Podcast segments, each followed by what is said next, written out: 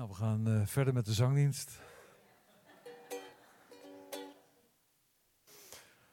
Ja, uw heil neem ik aan. Ik denk, ja, het, staat hier, het, het staat hier voor ons. Het heil. Het staat uitgestald en we mogen er straks van nemen. We zijn allemaal uitgenodigd. En de Heer Jezus houdt ervan om zijn, zijn goedheid, zijn liefde met ons te delen. Eerst een liedje voor jullie zingen, met jullie zingen.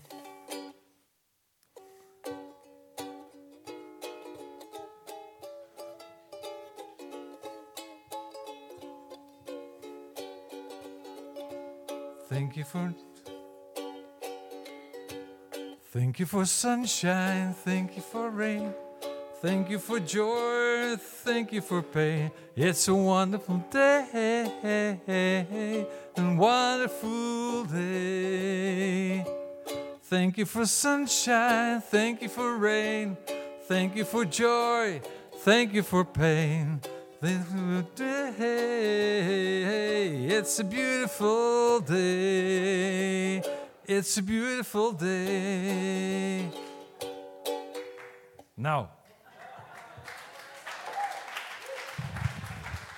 Het kwam er niet helemaal uit zoals ik wilde, maar goed. Het was ook maar een introductie op wat ik graag wil zeggen. Ja, thank you for sunshine. Wauw, heerlijk toch? Zeker als je een aantal dagen alweer in die regen zit.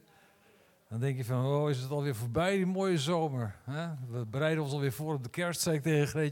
Het wordt, ja, het wordt iedere dag weer wat sneller donker. Dat merk je gewoon. Dus uh, nog eventjes. En die boom kan weer van zolder. Yes. maar goed, thank you for sunshine. Thank you for rain. Ja, dat is ook nodig. Dat hebben we nodig. Dat, we hebben ergens zo'n huisje in Brabant. En dan zie je daar die... Uh, die mais opschieten. En andere jaren dan moest er gespoten worden. En dan stonden die grote machines te spuiten over dat land heen, vlak voor het chalet. En uh, dat hoeft nu allemaal niet. We krijgen vast een hele mooie oogst. Dus thank you for rain. Thank you for joy. Woo! Wie heeft de joy in zijn hart? Joy, yeah. ik denk, uh, ik ga er maar vanuit dat de mensen die hun hand niet opstaken ook vreugde hebben in hun hart. En dan, thank you for pain. Nou, wie zegt daar amen op? Wow. Nou, dat is nou zo'n zin die krijg ik niet uit mijn strot. Ik heb hem gezongen omdat het erbij hoort, maar thank you for pain. Dat vind ik heel erg lastig. Het is een, een liedje, het is een populair liedje. Het staat onder veel uh, filmpjes, dit, dit, liedje. En het wordt uh, veel gezongen, ook op social media. En als het één keer in je hoofd zit, krijg je het er moeilijk uit. En het blijft galmen in je hoofd. Maar die laatste regel, daar worstel ik mee. Dat is iets wat ik niet echt goed kan begrijpen. Lichamelijk, geestelijk. Thank you for pain. Misschien wil ik het ook wel niet begrijpen. Lastig, ik vind het heel lastig. En als je daarover nadenkt, dan kom je al heel gauw bij, uit bij het boek van Job. En Job is een, uh, ja, een heel bijzonder boek eigenlijk. Er staan ook heel veel dingen in geschreven die misschien wel eens geciteerd worden, maar die uit de verkeerde hoek komen, want die worden gesproken door de vrienden van Job, die niet zo er geweldig eh, uit de hoek kwamen. Maar even uh, nadenkend over al die moeite en pijn, lichamelijk, geestelijk, Job. Nou, ik heb even opgezocht, de naam Job betekent trouwens volgens de Bijbelkenners de gekwelde, de vervolgde en de gehate. Nou, dat is lekker om zo door het leven te gaan. Hey, gekwelde, eten, Oh, maar de moderne naamregisters hebben er een andere draai aan gegeven. En uh, tegenwoordig betekent het, hij zal beschermen. Dat klinkt toch beter? Ja, hou het daarop. Oké, we gaan met elkaar lezen. Een gedeelte uit Jacobus 5, vers 10 en 11. En als het goed is, dan uh, staat hij daar op de beamer. Broeders en zusters, kijk eens naar de profeten die namens de Heer hebben gesproken. Kijk eens hoe geduldig ze waren als ze door de mensen slecht werden behandeld. En wees net zo geduldig als Job. We zeggen dat het heerlijk was dat ze altijd op God bleven vertrouwen, wat er ook gebeurde. Jullie hebben gehoord van Job en jullie weten hoe hij op God bleef vertrouwen, ook al had hij het nog zo moeilijk. Uiteindelijk maakte God alle dingen weer goed voor hem. En daaraan kunnen jullie zien dat de Heer heel erg goed voor, is, voor hem is en voor de mensen. En dat hij heel veel eh, van hem houdt, dat hij heel veel van jullie houdt. Nou, we gaan eens eventjes door die eerste hoofdstukken van Job heen met elkaar. Eerst krijgen we de beschrijving van Job. Job is, uh, ja, zo wordt hij eigenlijk direct in het begin al genoemd, een uh, toegewijde, gelovige man. En hij is ook een geweldige vader. Hele sympathieke man. Hij geeft al zijn kinderen de ruimte om te genieten van het leven. Dan staat er van uh, zijn kinderen, zeven zonen, drie dochters. En omste beurten gaven die zonen allemaal feesten in hun huizen. Ze genieten van het leven en uh, die feesten die duurden ook een aantal dagen lang. De zeven zonen, keer een aantal dagen. Dus ik denk dat ze heel wat weken in het jaar aan het feest vieren waren. Fantastisch. Job gaf hun die ruimte. Vind ik mooi. Vind ik mooi. Ik, ik wil niet zeggen van uh, we moeten allemaal nu gaan feesten. Maar ja, gewoon hè, dat hij niet zo'n beknepen mannetje was. Van je moet werken en je moet dit en je moet dat. Maar ze had ook ruimte voor feesten. En het was leuk dat zij als gezin dat ook uh, deden met elkaar. Hè. Dus de broers uh, nodigden andere broers uit en de zusters. En dan kwamen ze bij elkaar, vierden ze feest, dan weer in dat huis, dan dat. Oh, wat leuk hier. Ja, dat ben ik, nou, ik ben er net geweest, maar... Ombeurten nodigden ze elkaar. Een en al vrolijkheid. Telkens als er zo'n feest was geweest, moesten de kinderen wel bij papa komen. En vroeg Job de Heer voor hen om vergeving. Nou, dat vind ik ook zo sterk van Job. Want, zo zei hij, misschien hebben ze iets gedaan wat in de ogen van God niet goed was. En hij stond als morgens vroeg op en hij bracht voor elke van hen een offer. En zo deed Job dat na elk feest. Job 1, vers 4 en 5 staat dat. Ik vind het een prachtig voorbeeld van ouderschap. Hoe doen wij dat? Als kinderen naar een feest zijn geweest, je geeft ze die ruimte, ze mogen weg, ze worden wat ouder, je geeft ze steeds meer verantwoording. Uh, ze gaan naar feesten toe. Hoe, hoe ga je daarmee om? Denk je misschien ook als Job van, ik weet niet wat ze gedaan hebben, ik weet niet precies waar ze gezeten hebben of bij wie ze dat gedaan hebben. Misschien hebben ze ook al iets verkeerds gedaan. En bidden we voor die kinderen, vragen we vergeving, spreken we met die kinderen. En uh, heel belangrijk ook, bidden we nog met de kinderen, zegenen we de kinderen, zegenen we hen nog steeds. Job deed het, een man om te benijden, zo'n groot hart voor zijn gezin en voor God. En daarnaast was hij enorm gezegend. Hij was de rijkste man van het oosten. Hij had dus uh, die zeven zonen, de drie dochters en daarbij 7000 schapen. Dat zijn er nogal wat. 3000 kamelen, 1000 koeien, 500 ezels en heel veel knechten. Die vallen niet onder die ezels, dat zijn anderen. Slaven en slavinnen. En onze demissionaire landbouwminister die zou zeggen, wat een piekbelaster. Wow. Naast deze mooie introductie van Job begint zijn andere verhaal. Want in het verhaal van Job zijn er twee niveaus. De ene is zichtbaar op deze wereld en de andere is onzichtbaar. Niet zichtbaar voor mensen. Alles wat Job meemaakte als mens werd gezien op aarde, in zijn omgeving. En iedereen kon in zijn situatie meekijken. En het tweede niveau speelt zich af in die hemelse gewesten, in de hemel, in die plaats daar waar God woont. Tussen God en de tegenstander, voor ons onzichtbaar. Maar de uitwerking was zeker zichtbaar en heel reëel voor Job. Alles wat daar gebeurde, wat wij niet konden zien, wat Job niet kon zien, dat werd zichtbaar in zijn natuurlijke leven. En Job, wij staan achter de geschiedenis, wij lezen dat en we zeggen, hmm, mooi, fijn, hij handelde goed. Maar Job, die had natuurlijk geen weet van wat er in de hemel allemaal afspeelde tussen God en Satan. De reden van het diepe lijden van Job bleef dan ook verborgen voor hem. Hij onderging het en hij wist niet wat er allemaal gebeurde. Job 1 vers 6 staat, op een dag kwamen de engelen bij de Heer en gingen voor hem staan. En de duivel was ook gekomen. Dat geeft ons een blik in die onzichtbare wereld.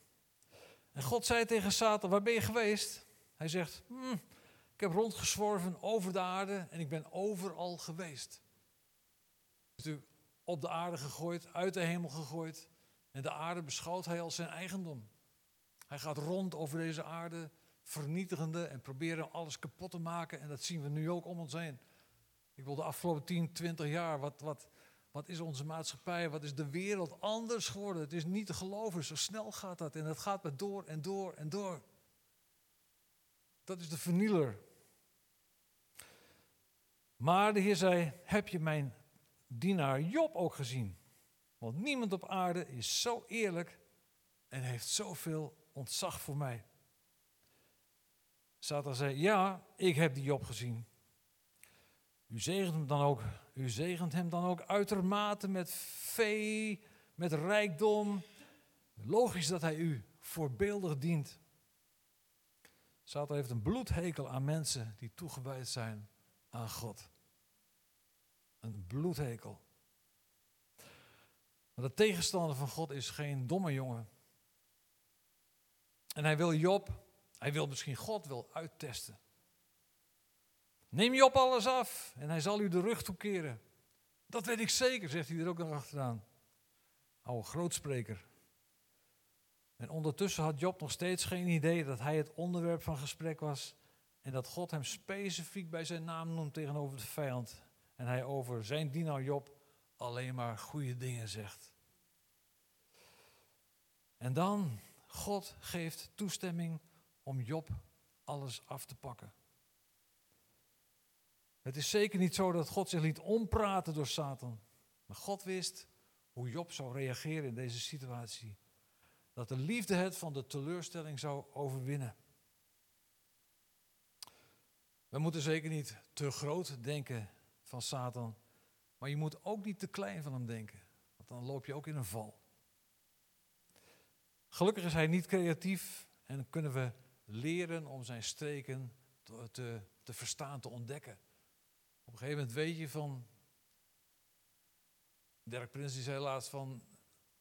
Als de wind aan alle vier hoeken van je huis begint te stormen, dan weet je dat het een aanval is van Satan. Als er zoveel dingen in je leven gebeuren ineens, niet zomaar eens een keer iets en dan eens een keer iets en dan weer eens een keer. Nee, als er een aantal dingen tegelijkertijd op je afkomen, dan weet je dat de, de vijand probeert jou een pootje te lichten. Hij is wel slim met zijn woorden. Ik heb dat laatst ook eens gedeeld bij ons op de huiskring. En dat was me toen uh, opgevallen. We hebben het vaak over Eva, die, die de vrucht pakte van de boom. Verleid was door de slang die zei van... Heeft God niet gezegd dat je van geen één boom... Nee. Weet u, God had dat woord om niet te mogen eten van de boom des levens en de boom van kennis en goed en kwaad, had hij alleen maar tegen Adam gezegd. Want Eva was er nog niet. Die was nog niet geschapen. Later, toen Eva geschapen was, heeft Adam waarschijnlijk gezegd van, ja, God heeft ook wel gezegd van, die boom, daar mag je niet aankomen. En op een gegeven moment komt Satan bij Eva. Heeft hij niet gezegd van, Eva had het gehoord uit tweede hand. God had niet rechtstreeks tot haar gesproken. En daarom liep ze misschien ook wel in die val, omdat ze misschien wel niet helemaal zeker wist. Dat is mijn interpretatie. Niet helemaal van, ja, ja, ja, ja zo, klonk, zo klonk het wel, geloof ik. Zo was het wel. Ja. Hoe belangrijk het is om het woord van God tot jezelf te nemen. Het woord wat Hij gesproken heeft. Niet van die broeder of die zuster of een preek van dit of dat. Probeer het zelf naar binnen te krijgen wat God gezegd heeft. Zorg dat je informatie haalt uit het woord van God en niet van horen zeggen. Nou, wat we in ieder geval leren van het Bijbelboek van Job, dat is dat God tegen Satan zegt: tot hiertoe en niet verder. Tot hiertoe. Er zit een limiet aan wat de duivel kan doen. Hij is begrensd en hij kan niet meer doen dan God toestaat. En dat is iets wat we voor ogen moeten houden. Hij kan niet iets doen omdat hij begrensd is door God. En dan gaat de boze los. Zijn gezin, zijn dieren, de knechten, de slaven, de slavinnen, alles wordt hem afgenomen. En in alle ellende zegt Job, Job 1, vers 21 en 22, De Heere heeft mij veel gegeven. Nu heeft hij het mij weer afgenomen en ik prijs de Heer. En Job zei niks verkeerd en hij beschuldigde God nergens van. Opnieuw kwamen de engelen weer voor Gods troon te staan. En de duivel was er ook. God zei: Heb je mijn knecht Job gezien? Niemand op aarde is zo eerlijk en heeft zoveel ontzag voor mij. Hoewel gij mij tegen hem hebt opgezet. Hoewel gij mij tegen hem hebt opgezet. En dat vond ik een heel aparte toen ik dat las. Ik heb verschillende vertalingen erbij gehad. En de Bijbel laat daar zien in hoofdstuk 2, vers 3. Eigenlijk een vreemde uitdrukking vind ik het. De herziende statenvertaling zegt, hoewel u mij tegen hem hebt opgezet. Hoewel jij, Satan, mij tegen Job hebt opgezet. En de statenvertaling zegt, hoewel gij mij tegen hem opgehitst hebt. En het boek zegt, u hebt mij overgehaald om hem kwaad te doen. En de basisbijbel, zelfs nu je mij overgehaald hebt om hem zonder reden kwaad te doen. Ik denk, ja, God, laat God zich overhalen. Laat God zich ophitsen. Ik vond het een aparte opmerking. Zo in al die Bijbelvertalingen. Ik ben niet thuis in, die grondtekst, maar ik kan me haast niet voorstellen dat, dat het er staat. God laat zich niet ophitsen door iets of iemand. Maar goed, hele aparte zin. En God zegt: Goed, je mag met hem doen wat je wil. Maar je mag hem niet doden. Die grens werd opnieuw weer gesteld. En Job kreeg de meest afgrijzelijke huidziekte die er maar is. En hij zat op een vuilnisbelt en hij krabde zich met een scherf, met een potscherf. En toen zei zijn vrouw tegen hem: Job, blijf je nou nog steeds God dienen? Laat hem toch zitten en sterf. Misschien zag zij het niet meer zitten met die God die Job diende. Of misschien was het juist de liefde dat ze tegen hem zei van... Laat die God maar los, want dan, dan spreekt hij een oordeel over je uit en dan sterf je tenminste. Een soort aangestuurde zelfmoord. Ze kon de ellende van haar geliefde man niet langer aanzien. Want ik denk dat zij ook hoorde bij dat hele fijne, prettige gezin. Ze was vast geen fakes. Maar Job zei tegen haar, je praat als een dwaas. Dat had hij wel in de gaten. Zouden we de goede dingen van God wel aannemen, maar de slechte niet? En dan denk ik weer aan het liedje Thank You for Pain. Zouden we de goede dingen van God wel aannemen, maar de slechte dingen niet? De vrienden van Job, die hadden natuurlijk ook gehoord van zijn ellende. Uiteraard ging dat hele verhaal rond, want hij was een man van aanzien. Ze kwamen naar Job toe om met hem te treuren en te troosten. En ze jammerden over de ellende van Job. Ze scheurden hun kleren, ze stooiden as op hun hoofd en gingen bij hem zitten op de grond. Zeven dagen lang, terwijl ze niets zeiden. Ik denk, wow, deze vrienden die beginnen goed. Die gaan gewoon bij hem zitten en die zeggen niks. Die laten gewoon weten, we zijn er. En ja, hoe vaak gebeurt het niet Ehm, dat mensen bij je komen staan, direct advies geven, direct advies, helemaal niet liefdevol, de arm om de schouder en in je oor fluisteren. Het kunt, goed, jong. Het kunt goed, jongske. En dan na zeven, ja, heb je er ook zo'n hekel aan dat mensen dat steeds zeggen. Ja, het komt goed, jong. Komt goed. Verschrikkelijk. Ja, afspreken, dat doen we niet meer. Het komt goed. Het komt wel goed, dat zeggen we niet, oké? Dat wachten we gewoon af. Verschrikkelijk. Dan na zeven dagen barst Job eindelijk los. Waar hij eerst nog met zijn hoofd reageerde in grote woorden van de Heer heeft gegeven en de Heer heeft mij weer afgenomen. Ik prijs de Heer. Dat was iets wat in zijn hoofd gebeurde. Dan laat hij nu zijn hart en zijn gevoel spreken. Hier begint Job vanuit hartzeer en emotie het uit te roepen. Job 3, vers 3 bijvoorbeeld. Ik wilde wel dat de dag dat ik geboren werd er nooit was geweest. Vers 11. Waarom ben ik niet onmiddellijk gestorven? Ben ik niet gelijk gestikt op het moment van geboorte? Vers 20. Waarom heeft God het leven? Geeft God het leven aan hen die zoveel ellende moeten meemaken? Vreselijk, wat een treurnis. Wat een verdriet. En als Job zijn hart heeft uitgestort, beginnen zijn vrienden zich ermee te bemoeien. Drie vrienden waren er: Elifas, Sofar en Bildad.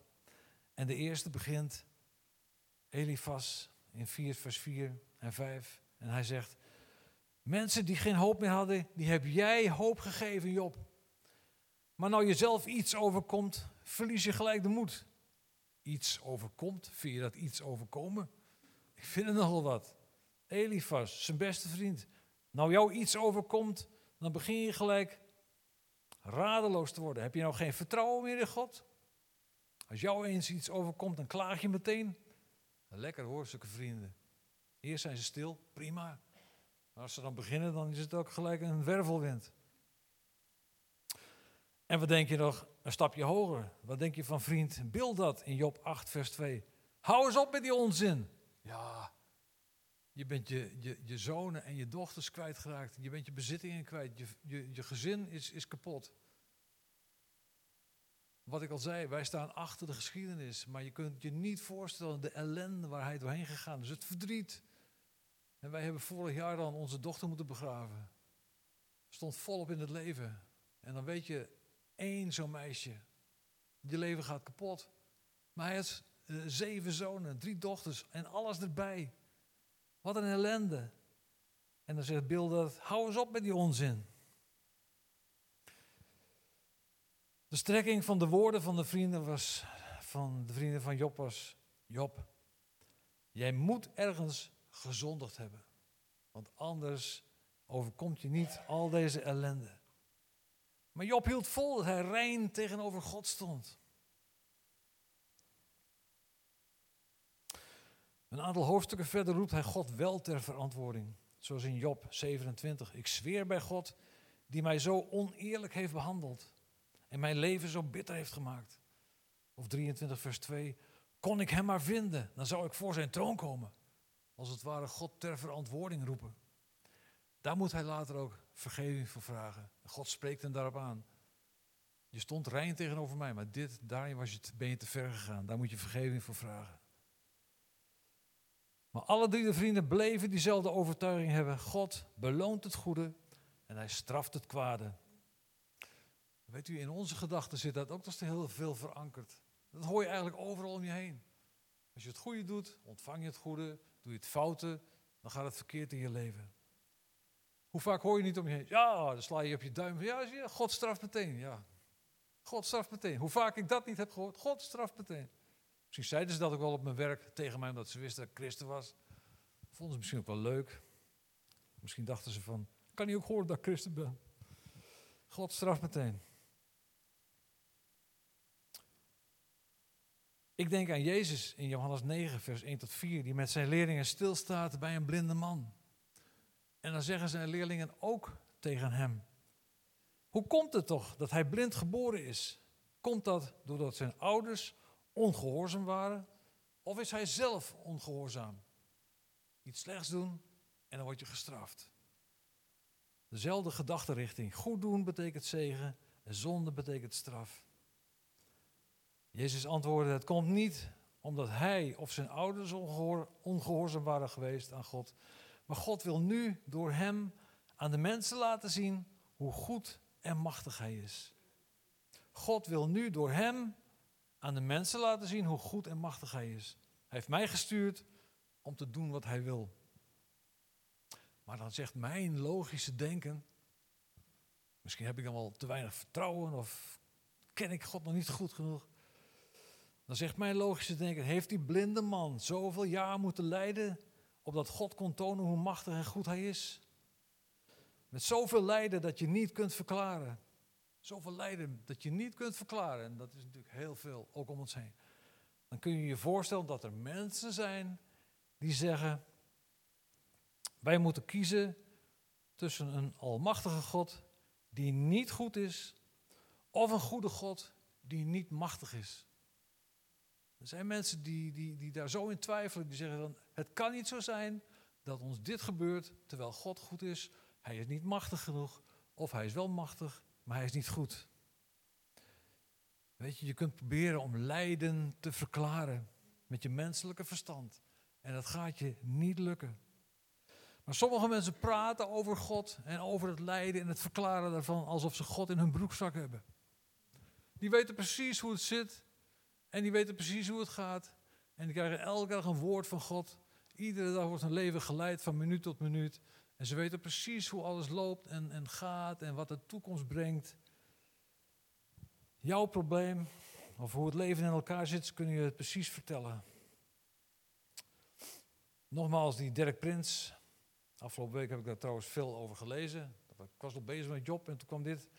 En hij zegt, God kun je niet uitleggen. Het is onmogelijk om hem te doorgronden, te begrijpen en te verklaren. Hij is volkomen soeverein. En soeverein betekent hij is de alleenheerser. Hij is de ultieme machthebber. Hij doet wat hij wil, op de manier die hij wil. En hij vraagt niemand om toestemming. Wauw. Wij kunnen God niet begrijpen. Weet u, God staat buiten, eigenlijk buiten onze werkelijkheid bijna. Hij heeft de tijd geschapen. Hij heeft de ruimte geschapen. Hij heeft de materie geschapen. Hij staat daar wel buiten. Hij is, hij is zoveel groter dan wij kunnen bevatten. Wij denken dat we hem in, in een soort idee kunnen vatten. Maar hij, is, ja, hij staat er zelfs buiten. Hij, hij, hij kijkt naar deze wereld. Hij kijkt naar de ruimte. Hij kijkt naar de tijd die hij gemaakt heeft. Hij kijkt naar, naar de materie, de, de, de aarde en alles.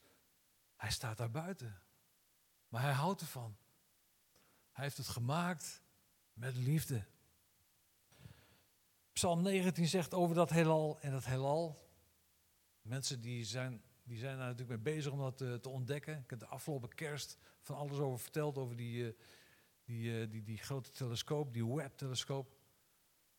Ze zien dat, die, dat het heelal steeds meer uitdijt en groter wordt en uitdijt en groter wordt. Maar de hemelen vertellen Gods eer. En dat betekent dat die glorie van God alleen maar groter en groter en heerlijker wordt en machtiger. Maar wij kunnen dat niet begrijpen. Wij zijn van die piepkleine mensjes, een stofje aan een, weegschaal, een, een, een waterdruppel.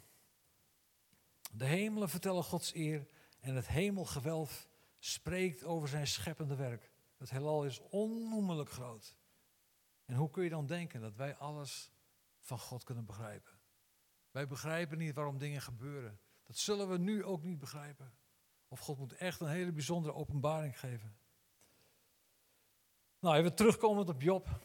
Hoe wij er ook over denken, God had alles onder controle. Hij heeft gezegd tot hier en niet verder. Ik geef je bepaalde autoriteit, bepaalde autoriteit, macht. Ik geef je de, de toegang om dingen te doen, maar tot hier. Ik geef de grenzen aan. Ik weet wat Job aan kan en ik geef die grenzen aan. Nou is het ook niet zo dat alles wat rondom ons gebeurt, we daar de vijand de schuld van kunnen geven. Dat kan ook niet. vroeger zeiden ze al tegen mij, uh, ja, er ging iemand naar de kerk toe, die, die, zou de, de, deur van de kerk binnengaan en dan zat er iemand op de stoep te janken. Wat, wat wil jij doen? Oh, je bent de duivel. Ja, ze geven me overal de schuld van. Ja. Dat is dus ook niet zo. Indirect misschien wel, want het heeft te maken met de zondige staat van de mens en de zondige wereld waar we in leven. Dus indirect heeft hij daar zeker schuld aan. Denk aan ziekte, honger, watersnoodramp of juist droogte, klimaat, chaos, eenzaamheid, egoïsme, noem het maar op. De wereld is, ah, de wereld is verrot. Daarin ligt ook een verantwoordelijkheid natuurlijk bij ons als mensen. En zeker bij de kinderen Gods. Gebed, het leven uit de gezindheid van God en daaruit handelen. Hoe ga ik om in mijn eigen kleine wereldje? Hoe ga ik om in mijn omgeving? Met de buren, met je gezin, met vrienden, de gemeente, je werk. Wat zien ze van mij? Dus eigenlijk, wat zien ze van God? Weet u, in de eerste jaren van mijn bekering had ik een boek waarvan ik niet goed wist wat ik met die strekking aan moest. Ik heb het gelezen, het heeft een tijd in de boekenkast gestaan. Ik heb het geprobeerd te zoeken, omdat het te maken had met dit onderwerp waar ik mee bezig was. Ik kon het niet meer vinden. En ik wist ook niet meer hoe het heette. Ik heb al die boeken bekeken. Het kwam hierop neer. Um, Wij moeten dankbaar zijn voor alles wat ons overkomt. Dank de Heer voor de cv-ketel die het begeeft in een koude winternacht. Dank de Heer voor je kapotte auto die niet wil starten terwijl je naar een afspraak moet. Dank de Heer voor je, probleem, voor je problemen in je huwelijk dat op springen staat. Enzovoort. Een boek vol van dat soort dingen. Maar ook met getuigenis van hoe het goed kwam. Ik wist niet wat ik ermee aan moest. En ik weet dat eigenlijk nog steeds niet. Wat ik wel weet, dat is dat ik word aangemoedigd door het woord van God om onder, onder alle omstandigheden de Heer te danken. Niet te danken voor al die dingen die gebeuren. Misschien kom ik ooit zover als het moet, ik weet het niet. Maar in ieder geval onder alle omstandigheden God te willen danken. 1 Thessalonicense 5. Wees altijd verheugd. Bekende tekst dit jaar hier in de gemeente. Wees altijd verheugd en bid zonder ophouden. Dank God onder alle omstandigheden. Want dat is wat Hij van u, die één met Christus Jezus bent, verlangt. Nogmaals, het lijden en de dingen die we niet kunnen begrijpen, kunnen ons zeker in verwarring brengen. Is God bij machten? Is God goed? Maar als de Bijbel ons oproept om onder alle omstandigheden God te danken, dat Hij alles onder controle heeft, in zijn hand heeft, dat Hij de grenzen aangeeft, dan voeden wij ons vertrouwen in Hem. Als we, als we Hem gaan danken, dat Hij in alle situaties Zijn hand houdt, Hij de grenzen aangeeft, dan wordt ons vertrouwen in Hem gevoed. Ik denk aan Jacobus 1, waarin hij schrijft: Wees blij, broeders en zusters, als je geloof door allerlei moeilijkheden op de proef wordt gesteld. Ja, poeh, ja, inderdaad. Wees blij. Je zult leren geduld te hebben. En zo zal je geloof sterker worden en zul je een volwassen geloof krijgen. Beproeven nu en dan moeten wij de proef afleggen. Moeten we de, de, de repetitie. Moeten we de proef afleggen. Moet, moet, moet, moeten we kijken hoe ver staan we. Hoe is het met ons? Beproeven. 1 Korinthe 10 vers 13 zegt, God is getrouw die niet zal uh, toelaten dat jij boven vermogen verzocht wordt. Want hij zal met die verzoeking ook voor de uitkomst zorgen. Je wordt niet boven vermogen verzocht, zegt het woord van God, zegt zijn woord, zegt hij zelf aan jou. Je wordt niet boven vermogen verzocht. Hij geeft die grens aan. Hij zegt tot hier en niet verder. Omstandigheid, Satan, tot hier en niet verder. Hebreeën 12 wordt geschreven, we hebben gehoorzaamd aan de opvoeding van onze aardse vaders. En we hadden respect voor hen. En dan moeten we toch nog veel meer gehoorzamen aan de opvoeding van onze geestelijke vader. Onze ouders hebben voor, een, voor ons tijdelijke leven ons getuchtigd, maar hij doet het ons tot nut, opdat wij deel krijgen aan zijn heiligheid. Dus de dingen die hij toelaat, daar heeft hij een doel mee. De dingen die hij toelaat, daar wil hij iets mee bereiken. Dat we steeds meer en meer op Jezus gaan lijken. Dus ik heb er ook aan gedacht. Um, Job kende God als God. Wij mogen God kennen als de vader die in de verte, die staat te wachten op dat kind wat weer komen gaat. En dat lijken twee verschillende. Maar Jezus Christus staat daartussen. En hij, heeft, hij zorgt ervoor dat ons beeld van God verandert in het vaderbeeld van God. Hij heeft het beste met u voor. Hij wil onze heiligheid, zijn heiligheid in ons leven. Hoe gaan we kijken naar de dingen die ons overkomen? Blijven we zeggen dat Hij goed is? Dat Hij groot is? En dat Hij een bedoeling heeft in ons leven? Soms laat hij dingen toe. Hij heeft er een bedoeling mee. Zo moeilijk soms. Laat Psalm 100, vers 5 ons motto en onze beleidenis zijn. Want de Heer is goed. Zijn liefde duurt voor eeuwig. Zijn trouw is van generaties op generaties. Misschien kunnen de mensen, of Jacques en Monique, uh, naar voren komen en dat avondmaal vast klaarmaken. Ik heb al met Jacques afgesproken dat we zouden de stukjes ietsjes groter laten, want we gaan het straks zelf ook doormidden breken. Dat is een prachtige brug naar het avondmaal toe. Psalm 100, vers 5. Want de Heer is goed. Zijn liefde duurt voor eeuwig. Zijn trouw is van generatie op generatie. Zo'n mooie brug naar het avondmaal. Johannes 3, vers 16. Die hele bekende tekst waar wij elke dag uit mogen leven. Want die tekst die laat ons zien dat God de wereld zo lief heeft gehad. De schepping die hij gemaakt heeft. Waarvan hij ook de macht had om het, als het ware, weg te vegen. Zonde. Het ziet er niet uit. Het, het, het, het beeld wat ik had van de wereld en van de mens, het, het komt helemaal niet overeen. Ik blijf ervan houden en ik zorg voor een oplossing. Want zo lief heeft God de wereld gehad dat hij zijn enige geboren zoon gegeven heeft. Opdat een ieder die in hem gelooft niet verloren gaat, maar eeuwig leven heeft.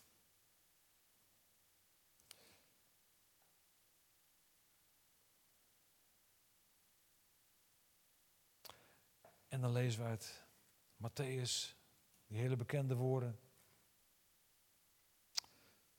Matthäus 26. Toen het avond was geworden, ging hij met de twaalf leerlingen aan tafel. En tijdens de maaltijd zei hij: Luister goed.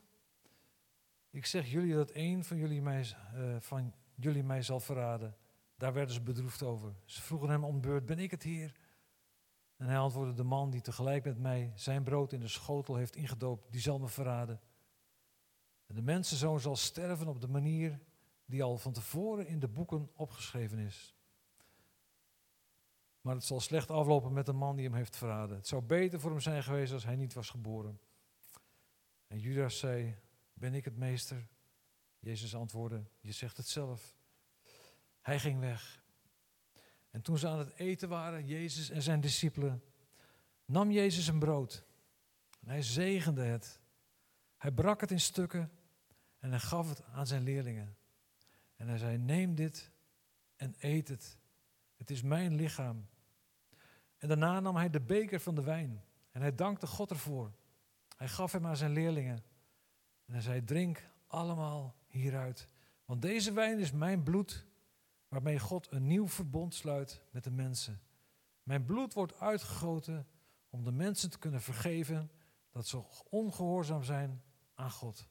Maar ik zeg jullie dat ik vanaf nu geen wijn meer zal drinken, totdat ik samen met jullie de nieuwe wijn zal drinken in het koninkrijk van mijn vader. En nadat ze het halal, de dankliederen hadden uitgezongen, vertrokken ze naar de Olijfberg. Ik zou graag een, een zegen erover vragen. Vader, dank u voor brood en voor wijn. Voor de dingen die we met elkaar besproken hebben. Uw grote liefde, uw aandacht voor deze wereld. Ondanks alle dingen, hier bent u onze God. Ondanks de dingen die we soms meemaken, u blijft en bent die goede God. God is groot en God is goed. En dat zien we ook in het avondmaal. U nodigt ons uit vanmorgen om dat avondmaal te nemen. En u hebt gezegd ervan, het is tot vergeving van elke schuld, hoe diep ook voor iedere zonde. Het is tot vergeving en tot vernieuwing van je leven. En als we zometeen het brood nemen, nemen we een stukje van en dan breken we het zometeen in tweeën. En dan gaan we eerst een beleidenis met elkaar afspreken, het brood nemen. En dan, dan zien we wel hoe het verder gaat. Dus uh, breek het zometeen als je het ontvangt in tweeën. Hou het even vast en uh, ja, wees gezegend ook in het avondmaal. Iedereen mag deelnemen. Iedereen die Jezus Christus kent als Heer en Verlosser. Iedereen die weet dat hij ja, vrij staat tegenover anderen. Gewoon een vergevend, een vergeven kind van God. Er is alle, alle ruimte, alle vrijheid, gasten ook, mensen die hier zijn. Als je een kind van God bent, heb gerust deel, geniet van datgene wat Jezus je aanbiedt. Halleluja. Oh, muzikanten.